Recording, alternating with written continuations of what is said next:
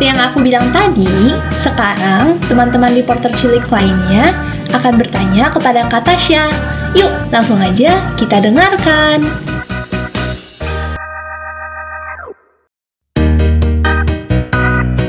Ada Farah. Halo Kak Tasya, Halo.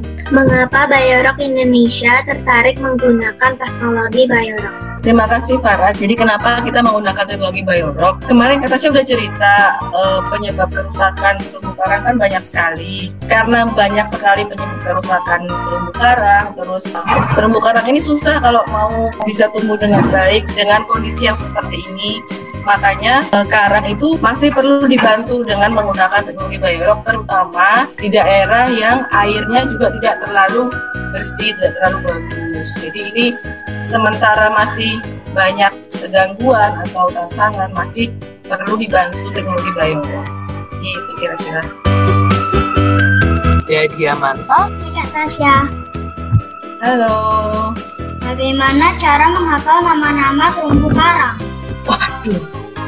Cara menghafalnya kakak nggak bisa jawab nih karena kakak Tasya juga nggak hafal. Jadi jujur kak Tasya pun setiap karena kan kita punya berapa ya 569 spesies. Kak Tasya pun juga kalau mau melihat ini namanya apa tuh harus buka buku contekan gitu. Jadi ada buku namanya identifikasi karang, ada cara mengidentifikasinya. Nah, itu bisa dipelajari. Jadi kalau ditanya bagaimana caranya, mungkin tergantung kenyamanan eh, tiap teman-teman ya. Bisa menggunakan kalau mau menghafal bisa pakai dibikin lagu, dibikin ditulis, dihafalin. Cuma kalau Kak Tasya kebetulan bukan yang bisa menghafal dengan cepat dan baik. Jadi tetap Kak Tasya kalau ketemu karang nanti di, dicari namanya apa. Nah itu melalui pengalaman Kak Tasya baru bisa apa ya mengingat beberapa tapi nggak Kak Tasya belum mampu menghafal seluruh 569 spesies eh, karang di Indonesia. Banyak Tasya buku, bukunya nggak basah. Bukunya ada beberapa jenis, jadi ada buku eh, yang memang bisa dibawa ke bawah air, tapi seba- eh, untuk yang edisi yang terbaru buku identifikasi karang nggak bisa. Jadi sistemnya itu eh, Kak Tasya biasanya kalau mau identifikasi karang, difoto aja karangnya, difoto jarak jauh sama jarak dekat sekali. Nah nanti dengan menggunakan panduan buku itu, sebentar kayaknya Kak Tasya punya bukunya, boleh nggak Kak Tasya ambil bukunya sebentar? Boleh. Boleh Kak, silakan.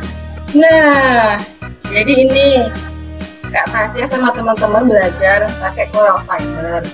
Jadi ini buku di dalamnya ada warna-warni kan ya di sini ada hijau, biru, ungu. Ini ada kelompok-kelompok karang yang mirip-mirip. Nah dari sini kita bisa melihat yang mana ya. Terus kita buka dalamnya lagi. Tuh ada contekannya. Ini yang lebih dekat yang mana? Termasuk nanti dari foto yang Kak Tasya ambil di bawah laut dicocokkan dengan yang di sini sampai ke ukurannya. Ada karang kecil-kecil itu itu nanti diukur berapa berapa mili ukurannya berapa senti. Itu akan termasuk cara menentukan jenis spesiesnya. Nah ini bukunya nggak ambil air jadi kalau kena air basah. Jadi dari foto itu terus dibawa ke laptop dilihat terus dibandingin buku ini kalau masih kurang jelas kita pakai buku yang asli yang tebal sekali oh, penemunya namanya Pak Veron gitu jadi Pak Veron itu yang membuat kelompok-kelompok karang itu kira-kira gitu Apa Medina? Mana caranya foto, Kak? Gimana Oh, caranya cara- foto? Iya, Kak Tasya punya kamera yang bisa dibawa ke, da- ke dalam laut. Kameranya tapi sedang dicuci karena kemarin habis dipakai Kak Tasya sama teman-teman habis dari laut. Seperti kamera biasa, cuman dia di ada tutupnya lagi supaya dia tidak kemasukan air. Di bawah laut bisa foto-foto, bisa rekam video, gitu. Oke, terima kasih Diamanta. Silahkan Laura. Tasya tertarik menjadi penyelamat terumbu karang dan sejak kapan kakak mengetahui kalau karang harus diselamatkan? Oke, eh, terima kasih Naura.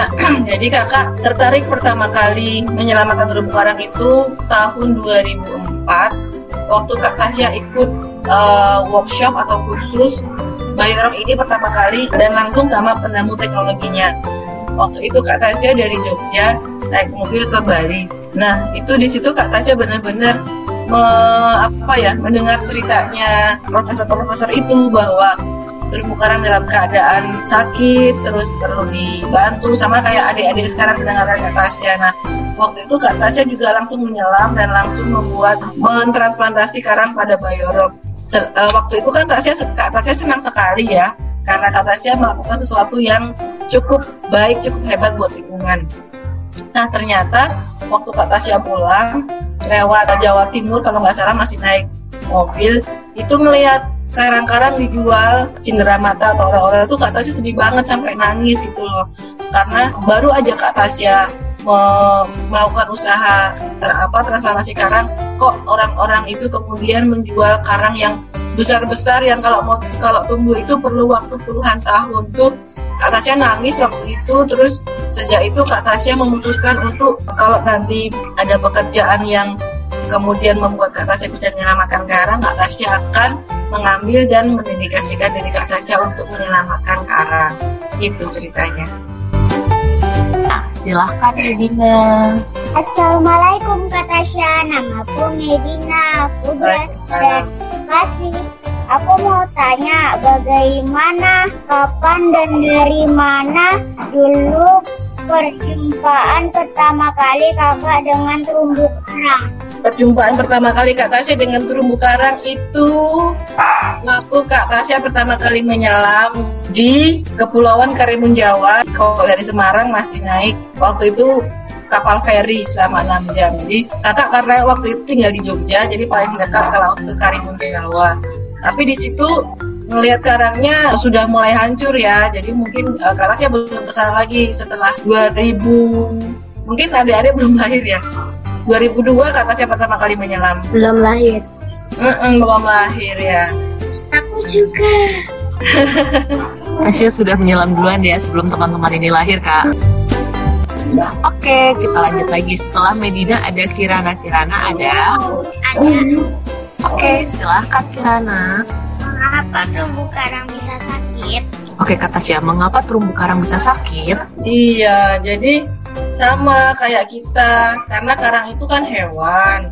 Sama kayak peliharaan kita, semua hewan, semua ciptaan Tuhan yang bernyawa itu bisa sakit dan bisa meninggal. Jadi kalau dia tidak bisa makan dengan baik, dengan baik, banyak hal-hal yang bisa menyebabkan dia sakit gitu. Menjawab nggak pertanyaannya kenapa terumbu karang bisa sakit?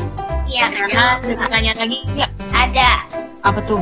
Kalau sudah mati terumbu karangnya apa masih bisa dihidupkan? Kalau sudah Ya. mati, apakah terumbu karang bisa dihidupkan? Oke, Kak, silahkan dijawab. Kalau Kak Tasya taunya kalau sudah mati itu hidupnya udah selesai. Bener nggak Kak Ria? Jadi kalau udah selesai nggak bisa diulangi lagi hidupnya. Jadi ya sudah, sudah habis deh hidupnya, nggak bisa dibalikin lagi. Sama seperti makhluk hidup ciptaan Tuhan yang lain, kalau sudah meninggal hidupnya sudah selesai juga, nggak bisa dibalikin lagi. Oke. Terima kasih kak.